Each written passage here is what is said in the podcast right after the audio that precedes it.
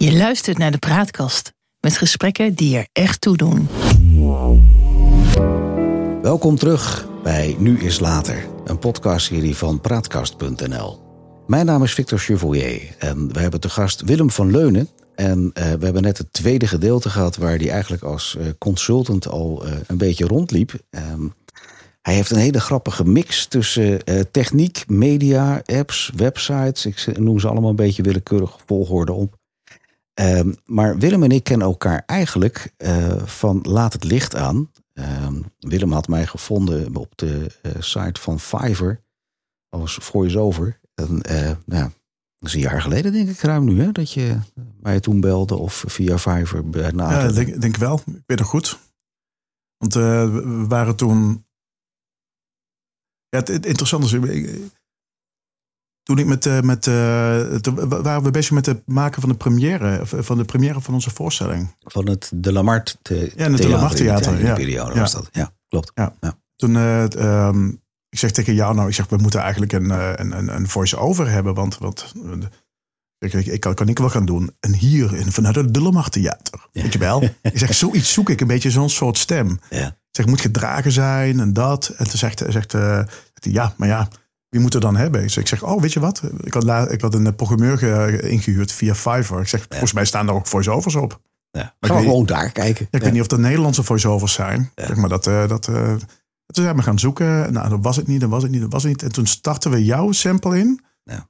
Het had je een tweede verschillende stemmen die naar elkaar kwamen. En die tweede dacht ik, oh ja, maar, maar dit is het. En Janus keek meteen rechtop. Die zegt, ja, dit is wat we zoeken. En toen was eigenlijk meteen een moment. Volgens mij heb ik toen ook meteen een, een mailtje getypt. Ja. Uh, en toen kwamen we eigenlijk volgens mij buiten Fiverr om. ik weet niet of ik dat mag zeggen, maar denk ik eigenlijk. Ik weet niet hoe het gegaan is. Nee, het ging erom dat het vrij snel moest allemaal, hè? Ik weet ook eerlijk gezegd ook niet meer, want ik werk nog steeds voor Fiverr. Dus ja. dat, ik, ik, weet niet of dat toen buiten Fiverr omgegaan is. De eerste opdracht meen ik niet, later wel. Maar ja, is dat totaal niet interessant. Um, ja. Wat wel interessant is, is dat je eigenlijk vanuit je consultancyhoek, waar je toen een beetje actief in was, zoals we net aan het einde van de tweede aflevering van Nu is Later tegenkwamen. Je kwam eigenlijk ook uit uh, bij iets wat ik nu nog steeds best wel bijzonder vind. Want je hebt nu een uh, theaterproductie uh, lopen dit jaar, waar je alle middelbare scholen langs gaat. Laat het licht aan. En die gaat dus eigenlijk over jongeren, wat, wat een, een, echt een hot item is, ehm, die met depressiviteit kampen. Dat doe je samen met Jarno. Jarno, ik ben zijn achternaam even kijken. Korf. Korf, dank je. Ja. Um, en daar zit natuurlijk voor, voor, wat betreft het verhaal van de uur later... zit een heel groot gedeelte tussen. Want we komen uit die consultancy en nu zitten we plotseling in um, ja, bijna een soort hulpverlening in theatervorm. Ja, dus we een gekke overstap. Er zit inderdaad wel wat tussen. Nou, dat is niet gek, maar het is wel... Ja, maar er zitten wel logische stappen weer tussen. Het is opmerkelijk, zeggen we dat. Ja, het is wel gek, want, want soms kom je van het een en het ander beland. Mm -hmm. En... Um, wat eigenlijk wel grappig was, want toen ik op een gegeven moment die consultie had gedaan, uh, toen ben ik terechtgekomen in de gaming-industrie. Ja. En dat weten veel mensen van mij niet. Uh, en dat zijn, uh, daar gingen we Sony PlayStation games maken. Ja. en, en daar vooral het creatieve stukje, omdat ik veel van techniek weet en, en, en, en creativiteit, kon ik die match maken. Van wat een game bijvoorbeeld nodig heeft. Toen ben ik eigenlijk in Amsterdam gaan wonen met mijn ex toen nog. 2015. Want daarvoor woonde je nog in het zuiden? In Hilversum. In Hilversum. Ja, we hebben heel lang in Hilversum gewoond. Ja. Oké. Okay. En, um, en het grappige was, toen ik... En toen kwam natuurlijk steeds meer in de tv-wereld terecht. Dus op een gegeven moment was dat ook een soort... Ja, flow of zo. Dus dan deden je mensen kennen. En ook wat higher up, zeg maar, uh, mm. allemaal. En um, toen ik in Amsterdam woonde, toen na, eigenlijk na twee jaar ging het uit. Ja. Gingen we uit elkaar. Gewoon als vrienden. Ja, het was een beetje doodgebloed, begrijp ik. Ja, zo. we waren wel heel goed bevriend. En we hadden ook natuurlijk bedrijven samen nog. Dus een heel gedoe met elkaar te gaan. We hadden ook nog een koophuis in Hilversum. Wat we intussen verhuurden aan expats die voor Nike werkten. Ja. En um, mijn overbuurman in Amsterdam, die heeft een woonboot. Mm. En um, die, die, die zag mij bezig op een gegeven moment. Die kwam een keer, die belde aan. En toen zei hij van, zou je eens willen kijken naar een app die ik heb laten maken? Want ik weet dat jij ook apps en zo doet. En uh, die ik zeg, oh, je hebt dat gemaakt met Unity 3D. En uh, nou, het ziet er mooi uit. Het is wel wat traag. Ik zou dat zo en zo en zo anders doen.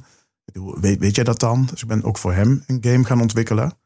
En eigenlijk vrij, vrij snel, na twee jaar ongeveer, best wel diep in dat project, stopte hun bedrijf met de game onderdeel. Ja. En in één keer stopte dus ook die facturering. En ik had een andere klant die was failliet gegaan. Mhm. En ik ging ook nog eens uit elkaar met mijn ex. En in diezelfde periode overleed de moeder van mijn ex ook nog eens een keer. Dus een heel gekke periode was dat. Maar je had ook geen inkomen meer. Nee, en wel een eh, duur huis. Want ik had ook al bedacht, ik, ik blijf in Amsterdam wonen. En mijn ex ging naar Friesland toe. Mhm. Die komt nog uit Friesland. Ja. En, ehm, en ik woonde in een grachtenpandje in Amsterdam. En, eh, gewoon mijn eigen zelfstandige pandje. En eh, ja, dan moest ik wel kunnen blijven betalen, dacht ik. Ik denk aan de andere kant, dan ben ik ook misschien niet zo gehecht. Dan ga ik eens kijken wat op mijn pad komt. Ja. En toen ging dus die opdracht niet door en nog een andere opdracht niet door. En no- er ging nog in één keer iets niet door. Toen dacht ik, wat wil ik nou eigenlijk? Want nu kan ik het ook invullen. Mhm. Nu kan ik ook bedenken wat ik wel wil. Want ik was ook een beetje klaar met die Ja, gaming. was je zelf een beetje aan het coachen eigenlijk. Ja, ja, dat doe ik wel veel. Ja. Heel veel zelfcoaching. Eh, en die, het, toen op een gegeven moment ehm, zat ik met een goede vriend van mij, Ger, een oudere man. Die, die, kende ik vanuit Amsterdam ook Ja. eh, toen. En we gingen naar de ITVA. En dat was eh, eh, het filmfestival. Ja. En toen zaten, er was een hele rare film. Vond ik tenminste een rare film. Maar dat was dus op de ITVA te zien. Van allemaal vrouwen ongenoegen. Dus wat een vrouw moet doormaken om mooi te zijn. Dus er werden ogen getatoeëerd. Maar er werd ook eh, een, een lichaam werd gewakst. Zo dan zag je van bovenaf de Waar gaat dit camera. verhaal heen? Ja. Nou, en die, die, werd dus, die lag naakt op dat ding en die werd dan gewakst. En dat zag er heel raar uit. Ze was ook wat dikker en zo. Dat, dat waggelde allemaal en zo. Toen zei ik tegen zeg, nou, als, als dit een ITVA film is, dan kan ik ook een ITVA maken. Ook weer dat Pipi Lankos ding. Ik heb het nog nooit gedaan, dus laat ik het maar doen. Weet je wel. Ja. En zei hij, ja, kom, dan gaan we documentaire maken. Ik zeg, ga documentaire maken, goed. En toen zaten we op het terrasje bij mij naast. Want ik woon vlakbij het Amstelveld in Amsterdam. Ik weet niet of je het kent. Nee. Heel mooi pleintje. Een heel rustig pleintje. Want heel Amsterdam was heel druk. Maar dat pleintje is altijd rustig gebleven. Mhm. En toen ehm, zei ik tegen hem, ik zeg, weet je wat? Ik ga een documentaire maken over het Amstelveld. Over dat vierkante pleintje. En dan een documentaire van een uur. Dus het is eigenlijk 50 minuten geworden. We hadden 600 man op de première. Want dat lukt me dan ook wel weer. Dus de hele buurt was er natuurlijk weer. En, maar daardoor ken ik weer heel veel mensen uit de buurt. Ja. En eh, even kijken, lang verhaal kort. Dus op een gegeven moment... eh, Maar even, even voor mijn nieuwsgierigheid. Op welk voor wijze financier je dat- dan? Want dan, je kan wel zeggen, leuk zeggen, ik ga een documentaire maken. Dan denk ik, ja, maar jouw grachtenpandje moet nog steeds eh, Ja. die hypotheek van... eh, Ja, gelukkig had ik een beetje een buffertje opgebouwd. Dus dat was wel fijn. Dus Ja. ik, ik kon wel een paar maanden, niet jaren, maar een paar maanden wonen. Tegelijkertijd had ik ook eh, wat, wat eh, cafeetjes uit de buurt. eh, en restaurantjes uit de buurt. En wat winkels uit de buurt. De- Ik zit langs de Utrechtse straat. En de ondernemersvereniging van de Utrechtse straat. Iedereen had wat gesponsord. Dus de een had 1000 euro gesponsord, dan maar eentje twee. Maar jij bent dan ook degene die die sponsoring regelt voor Ja dat, dat, documentaire. ja, dat zorgt er ook allemaal zelf voor. En ik had ook een crowdfunding opgezet. Dus we, we hadden ook nog eh, een, een crowdfunding. Konden mensen ook nog een tientje storten, weet je wel. En Ja. dan hadden we ook iets van, nou, volgens mij bij elkaar wel 10.000 euro geloof ik eh, opgehaald. Oké, Nou, dan ben ik dat gaan opnemen, ook gemonteerd. Je kunt het gratis kijken op ehm, de documentaire heet I Amstelveld. Net zoals dat I Amsterdam, weet je wel. ja. Dan hadden we het I Amstelveld. Ja, op YouTube I Amstelveld intypen en dan eh, kun je hem kijken. Voor de luisteraars, gaan allemaal gelijk heen. Ja, En heen, eh, eerst deze podcast afluisteren. Ja. En het grappig was, want ik woonde naast Café Marcella, een heel bekend kroegje in Amsterdam Centrum. Ja. En dat is mijn, zijn mijn buren. Mhm. En daar werkte Jarno als eh, ehm, bediening, als Want- kelner. Ja. als kelner. Ja. En eh, eh, hij ehm, studeerde aan de Frank Sanders Academie. En dat vond ik interessant, want dat was musical. En ik had al, eigenlijk al sinds mijn opleiding, niks meer met muziek gedaan. Mhm. Want ik had wel een muziektechnologieopleiding gedaan, maar ben een telefoonbedrijf natuurlijk begonnen en een websitebedrijf en weet ik het allemaal. Maar je speelde wel piano, zeg maar. Ja, ik had wel een piano. Oké. En het grappige was, dus ik zeg tegen jou, gewoon in het, het, dus op een gegeven moment raakten we bekend met elkaar. En eh, ik was natuurlijk de buurman die altijd buiten een kopje koffie zat te drinken. En, eh, dus we raakten ook aan de praat. En ik, ik ging met, hij zat toen het eerste jaar op een gegeven moment, eh, in 2015 geloof ik. En toen, ehm, en toen zijn, ben ik vaker, toen nog met Sip Kelmers, vaker naar zijn opleiding geweest om voorstellingen te gaan kijken. Daar werden we voor uitgenodigd. Dan moest je een tientje betalen en dan mocht je die voorstelling zien. Ja. Wat zij dan ja, ingestudeerd. Ze moesten voor het publiek optreden. Ja. En, eh, maar zodoende op een gegeven moment, ik denk een, ergens in 2018, op een gegeven moment gaat de deurbel. En eh, staat Jana voor de deur. En hij zegt, ja, ik heb een probleem. Ik, wil, ik moet een afstudeer eh, ehm, voorstelling schrijven, een solo voorstelling. En ehm, de pianist van de school stopte mee. Mhm. En hij wist dus dat ik piano speelde. Hij, zou jij niet willen piano spelen? Ik zeg, nou, piano. Ik zeg, ik heb vroeger wel een beetjes gezeten en zo, maar ik, ik, ik, ik weet niet. Of ik dat kan. Nou, laat eens zien wat voor muziek heb je dan. Weet je wel, Ja. dat moet wel even weer even inkomen dan. Dus ik was nog helemaal onzeker even op dat moment. Oh god, eh, ik Hoe ga ik dat doen? Ja. voelde mijn hele, hele kindertijd dat ik moest voorspelen bij de muziekschool. Voelde ik alweer helemaal aankomen. Maar je kon ook gewoon nee zeggen? Ja, nee, ik vond het wel leuk. Ik, ik mag, eh, ja, dat mocht ik heel graag. Oké. En we waren niet echt vrienden verder of zo, maar we zagen elkaar en was altijd hooi en gezellig en zo, weet je wel.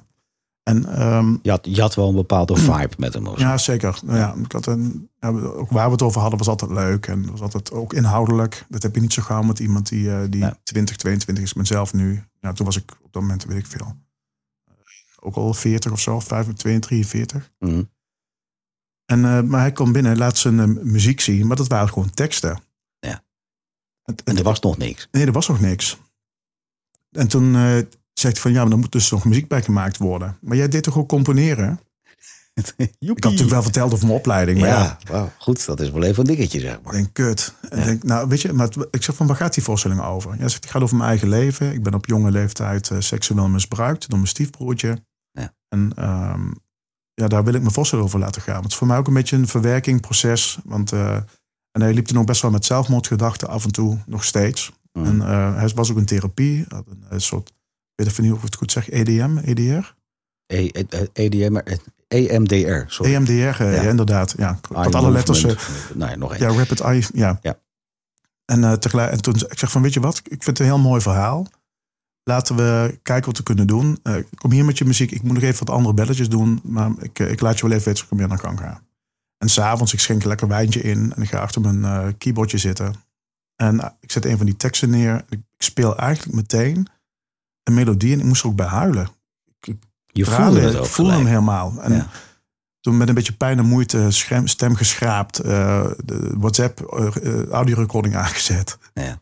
Een stukje opgenomen voor hem. naar hem gestuurd. En ik zag dat het binnen was gekomen door het blauwe vinkje. Maar hij reageerde helemaal niet. Ik denk, oh. Dit gaat niet goed. Ja, en dat tegelijkertijd waarschijnlijk maakt het een enorme impact op hem. ja, en ik, ik, maar ik dacht toen, oh ja, misschien is het niks. Of zo, weet je wel. En toen, toen maar op een gegeven moment eh, ging de deurbel. Stond hij er. Helemaal blauwe ogen had hij ervan. En, Mm. eh, en toen hebben we eigenlijk de hele avond eh, muziek gemaakt. Nou, En, en vanaf dat moment zijn we ook eigenlijk die, die voorstelling gaan maken. Ehm, hij moest het nog afschrijven. We hadden vier liedjes. En de voorstelling duurde maar een kwartiertje. Ja.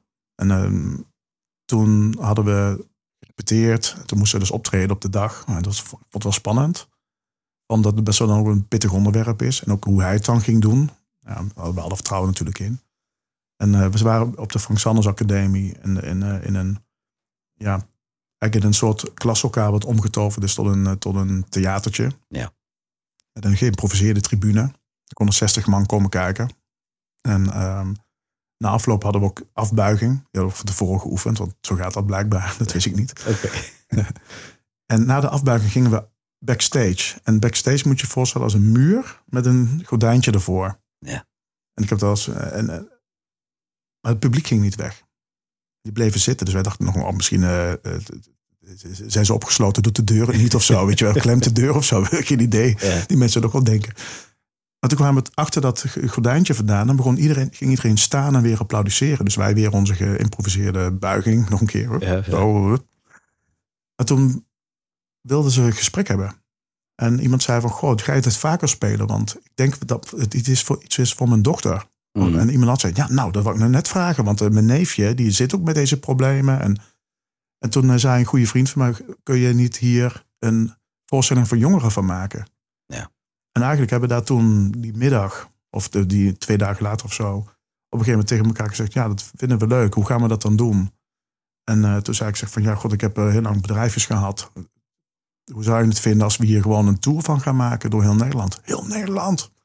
Weet je wel zo? Ja. En ik zeg, ja, scholen zitten ook in heel Nederland. Ja. Ik zeg, en of ik nou aan alleen maar Amsterdamse scholen verkoop. eh, nou ja, toen begonnen eigenlijk het avontuur van een website maken. Tot aan het bedenken van hoe gaan we dit in de markt zetten. Wat moet het eigenlijk kosten? Eh, eh, heel, heel wat om tegen jezelf te zeggen, we gaan een landelijke tour maken. Ja.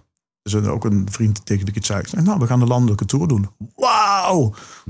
Nou, nou, je doet dat maar wel. er was nog niks, hè. er was geen voorstelling. En toen op een gegeven moment verkochten we de voorstelling in Maastricht. Maar we waren eigenlijk nog niet helemaal klaar. Ze hadden het wel goed, eh, wisten wel wat het, wat het zou worden. Maar hij Ja. was nog niet af. Ja. De regisseur moest er nog een plasje over doen. En, het licht was nog niet af. En de, de liedjes, eh, er zat nog wat in wat niet helemaal lekker was. En toen hebben we op 13 maart, geloof ik uit mijn hoofd, in 2020, de eerste officiële voorstelling van de tour in Maastricht gespeeld. Drie voorstellingen voor eh, een eh, hoge prestatieschool, allemaal VBO'ers. Mhm. Nou, helemaal goed aangekomen en allemaal dat. En twee dagen later was het COVID. Toen moesten wij met ons net nieuw theaterproductiebedrijfje, konden we de deur sluiten. Dat is heftig, want dat betekent Ja. dat je qua fina- fina- financiering ook volkomen de mist in ging op dat moment. Ja, absoluut. Ja, Ja. Ze hadden ook geïnvesteerd. We hadden ook echt een echt theater gehuurd om licht te testen wat we wilden. En eh, dat hadden we allemaal bedacht. Want dat, inkomsten, dat kwam wel. Want we werden Ja. best wel ge- ingekocht al. Ja. Tot onze verbazing eigenlijk. Nou ja, toen eh, werd het COVID. En toen, Hoe ben je eruit gekomen dan? ja, het is heel raar, want, want we gingen dicht. En we- ik, ik maak altijd een filmpje, een soort dagverslag. En ik, ik, ik kijk die films van toen nog wel eens terug. Ja. Een soort, soort tijdcapsule is het dan. En dan zie ik dat we het met elkaar over hebben. En dan zaten we op een gegeven moment zeggen tegen elkaar van ja, maar dat is heel belangrijk die depressiepreventie. Dat- Toen al, hè, voor COVID was het al. Na COVID is het helemaal erg geworden. En toen zeiden we van, en dan kunnen we eigenlijk twee dingen doen. Jarno kan weer terug naar zijn ouders. Misschien een bijbaantje doen ergens of, of wat, wat, wat, weet ik veel wat. En ik kan weer een game, aan die game-industrie weer eh, terug in. Want dan kreeg ik ook wel af en toe wat aanvragen, ook website aanvragen. Die, die Mm. hield ik altijd af. Hield ik op dat moment af. Ja, toen zeg ik nee, weet je wat, we gaan eh, een tandje harder. We gaan zorgen dat we op kantoor zitten. Elke dag gewoon van 9 tot 5 met z'n tweeën. Want je mag gewoon met z'n tweeën mocht je nog gewoon werken. Ja. En vooral omdat het je inner circle is. Mhm. Ik zeg ook, dit is onze inner circle, zodat we niemand aansteken. En eh, toen zijn we een, het, de voorstelling gaan omschrijven naar een filmscript. En toen zijn we naar Vlieland vertrokken met twee vrienden. Ja. En daar hebben we een, een film opgenomen van de voorstelling. Dus eigenlijk alle scènes uit de voorstelling verfilmd op Vlieland. Oké. En met als idee, dan kun je in ieder geval nog online die jongeren bereiken. Ja. Want wat we niet wilden is opname van de voorstelling een beetje laf, slecht, eh, het kwaliteit. moest er wel echt uitzien ook. Ja, het moest er Ja. mooi uitzien. Ja. Vond ik wel belangrijk. Ja, en dat, ehm, ja, zo, zo zijn we Maar- eigenlijk een beetje in die, Maar dan weer, dat, ik ben zelf ook zelfstandig ondernemer al eh, eh, 20, 20 jaar nou. Ehm, ik zit af en toe in fases dat het heel lekker loopt. Maar ik zit ook wel eens in fases dat ik denk van nou, dat gaat even wat minder lekker nu. Dan moet ik eventjes de reserves aanspreken. Maar als ik jou hoor op een moment dat je dan met laat het licht aan start en de COVID breekt uit, dat betekent dat je op dat moment veel geïnvesteerd hebt en niks naar binnen kunt halen. Dan ga jij het nog omkeren. Dan ga je zeggen, nou weet je wat, we gaan leuk naar Vlieland. We gaan daar nog een keer een filmpje opnemen. Waar leef je dan van? ja, dat was wel ingewikkeld. Want eh, ik huur mijn eh, pandje. Ja. Daar ik betaalde ook best wel de hoofdprijs voor toen. Ja. Alleen, nu heb ik het eerste wat ik deed in maart, is meteen, ik, wat ik altijd doe, ik kijk altijd, ik heb mijn uitgaven, ik heb mijn inkomsten. Nou, inkomsten verviel eigenlijk op dat moment. Ja. En ehm, toen hebben we wel gekeken van, wat geef je nou eigenlijk uit? Dus ik heb de, meteen de huurbaas gebeld. Ik zeg, hey, als je wil dat ik hier blijf wonen, ik, ik woon hier met heel veel plezier. En ik heb eh, heel veel plezier ook met jou als huurbaas. Ehm, als je me hier wil laten wonen, ja, dan moeten we even water bij de wijn doen. Ik heb gewoon een theaterproductiebedrijf en ik had een B&B op mijn eerste verdieping. Ja. Want eh, dat, dat, dat vind ik dan heel leuk om te doen. Dat gasvrijheid en die mensen uit al die landen spreken, dat vind ik fantastisch. Ja. Ik heb één kamer als B&B met een eigen badkamertje. Superleuke B&B. Dit is geen reclame Nee, hoor, nee. mensen. Nee, Nee, dat is geen, niet. Reclame. Het is heel altijd volgeboekt. Je Ja. komt er niet eens tussen. ik weet niet hoe het komt, maar het is helemaal volgeboekt al het hele jaar. Oké. Ehm, maar dan nog, eh, die, die B&B viel ook uit. Want de toeristen eh, konden niet eh, vliegen. Die, die kwamen niet Amsterdam. Dus Nee, aan twee nee, kanten nee, had ik in één keer geen inkomsten Ja, meer. ja. Dus dan gaat die buffer heel hard met zo'n huur. Ik zeg tegen de verhuurder, ik zeg, nou, weet je, ik, ik kan 1000 euro nog betalen. Ik zeg, that's it. Eh. Ik zeg, take it or leave it. En eh, als je me eruit wil hebben, dan heb je me eruit. En toen hebben we een dealtje gemaakt. Zegt hij, ik ga je heel jouw huur verlagen tot 2000 euro. Hm. Hoef je maar 1000 euro te betalen. En als het dan ooit weer gaat lopen, loop je die 1000 euro eens een keer rustig in. Oké, En zo heb ik het afgesproken. nou mooi. En eh, nou, zo is het ook gegaan. Ja. Dus ik had in één keer een vrij lage kosten. Ja. ja, het is nog steeds best wel een hoop geld voor heel veel mensen. Maar goed dan nog, de, voor Amsterdam. Voor Amsterdam. Voor Amsterdamse begrippen is het nog uh, hanteerbaar, zeg maar. Ja, en dan kon ik dus een, dus een klein websiteje tussendoor doen voor, voor 200, 300 euro, 500 euro, weet je zo. En dan, ja. deed ik er een paar van. Ja, en dan, dan op een gegeven moment lukt het wel. Weet je Om wel. een beetje rond te komen. Ja, en ik kreeg ook wel een beetje van de overheid. Ik zat eigenlijk in, ik zat in de bijstand terwijl ik in een grachtenpandje woonde. Ik wil niet weten hoe je dat voor elkaar hebt mogen krijgen. Ja, ja dat is omdat je inkomsten 100% wegvalt. Dan, dan werkt dat zo? Ja. ja. En in bepaalde, maar in bepaalde categorieën. Dus uh, theater uh, was zo'n categorie. Ja. En een bed and breakfast ook. Dus daar kreeg je dan een extra bijlage van om, om, je, om je normale vaste kosten te kunnen doen. Ja, maar dan moet je voorstellen dat je dan, ja, wat, wat krijg je dan? 1000 euro volgens mij. Ja. Dus het was een, een, een druppel op de gloeiende plaat. Hoe maar. gaat het nu met Laat het licht aan? Ja, dat gaat eigenlijk heel lekker. Uh, het, het, het, is een, het is wel flink aan trekken. Scholen vinden het ingewikkeld. Want we, gaan, we, spelen, we spelen voor hele grote groepen. Mm. Voor uh, soms 400 uh, van die pubers tegelijkertijd. Ja. Het is tussen de 12 en de 18 uh, waar we voor spelen. Ja. En scholen vinden dat wel spannend om dat te boeken. Hè? Want wat, oh, wat, gaat er, wat gaat er dan wel niet loskomen? En dan krijgen we dan niet juist een hele zorgtoestand uh, daarna. Ja. Nou, op het moment dat ze dat doorhebben dat het allemaal wel meevalt. Het is een preventievoorstelling. Hè? Mm. Zorg ook dat het... Je komt er niet met een depressie uit. Het is eerder, eerder preventief dat het Ja. niet gebeurt. Ja. Nou, de scholen, we hebben nu zo'n 150 keer gespeeld sinds afgelopen... Niet dit jaar, maar het vorig jaar maart. Mhm. En dat is best wel veel voor eigenlijk een nieuwe productie. Want eh, ja, toen kwamen we pas uit COVID, hè? Af Ja. vorig jaar eh, Ja. maart. Mind you, ik, ik kan me haast me niet meer herinneren hoe het allemaal ging met COVID. Nee, dat is gek hè? Gek, hoe, dat, hè? hoe dat helemaal weg, weg, eh, weg appt eigenlijk al. Ja, en en hoe dan- dat heb ik ook hoor. Ja, en hoe je normaal je dat toen, toen vond of zo. Of dat je precies wist hoe laat je thuis moest zijn. Ik, ik, Ja. meer, hoe zat het ook alweer? Maar goed, daar gaan we niet. Dus dat is een heel ander punt. Ja. Maar hoeveel voorstellingen krijg je nog? Want je hebt er nu 150 eh, mogen doen samen met Jarno. En nu? Ja, er, er zijn wel wat eh, voorstellingen weer geboekt. Eh, Ik denk dat er nu... Ja, het, het gekke is, het is een verkoop die een beetje gaandeweg blijft binnenkomen. Zo. Dus we schatten in. Dit jaar ook zo'n 150 tot 200. Dat is best En- veel, want dat betekent dat je drie, vier keer per week optreedt. Ja, soms wel twee op een dag of drie op een dag. Dus oh, dan, eh, ja. je hebt soms theaters waar eh, 250 eh, jongeren in kunnen. Ja. En dan heb je 750 leerlingen. Ja. Nou, dan spelen we er drie op diezelfde dag. Die tellen we dan wel als drie. Oh ja, dat mag, dat mag van mij. Ja, oké. Hey, maar ehm, betekent het ook niet, jouw kennende nu de afgelopen eh, afleveringen, meervoud, eh, dat jij een beetje aan jouw tak zit van dat het nieuwe eraf is? Ja, dat klopt. Eh, alleen, eh, het leuke is ook wel weer, ik ga niet meer mee met de voorstellingen. Ja, af en toe nog eens een keer. Ja, Voorheen deed ik de techniek, licht, eh, geluid. Maar daar hebben we nu een vaste technicus voor. Ehm, eh, ik deed ook de publieksbegeleiding. Mhm. De- de- we hebben een soort systeem, eh, intimiteit door anonimiteit. Want die leerlingen zitten allemaal door elkaar in de zaal. Oké. En dat moet begeleid worden. Ja. En dat, dat ja, dat vinden docenten ook weer heel spannend. Maar dus je kunt heel vaak gewoon het spel te horen vallen bij die voorstelling. Ja. En die scholen zijn ook helemaal van, Hé, hoe kan dat dan? En eh, wat, wat, die zijn vaak echt heel erg onder de indruk alleen al van het feit dat, die dat ze gewoon drie kwartier hebben zitten kijken naar een voorstelling. dat, het- ja, dat ze gewoon stil waren. Ja.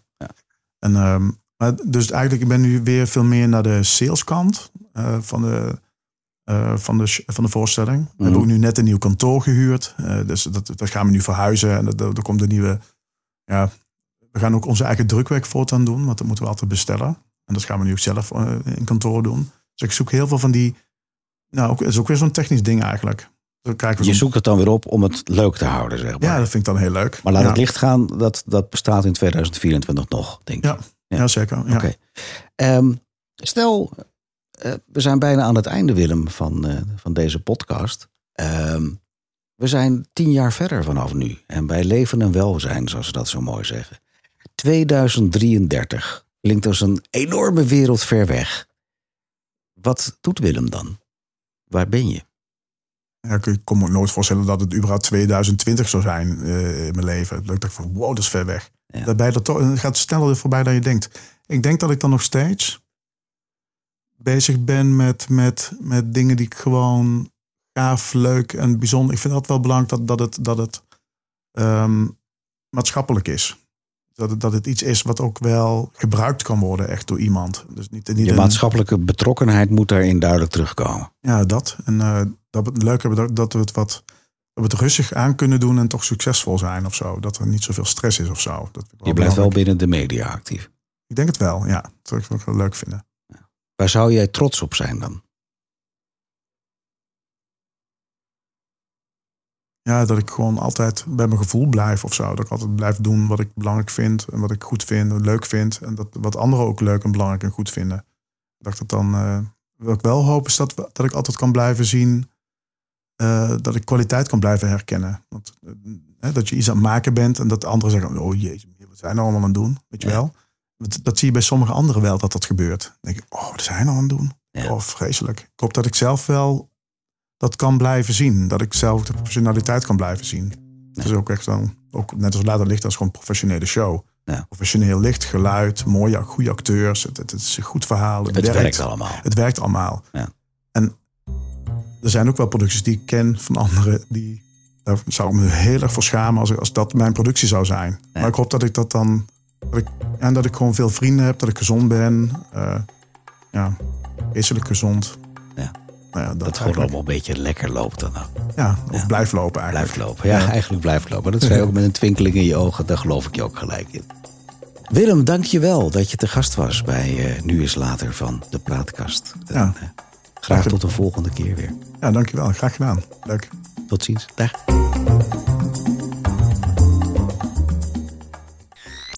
De Praatkast.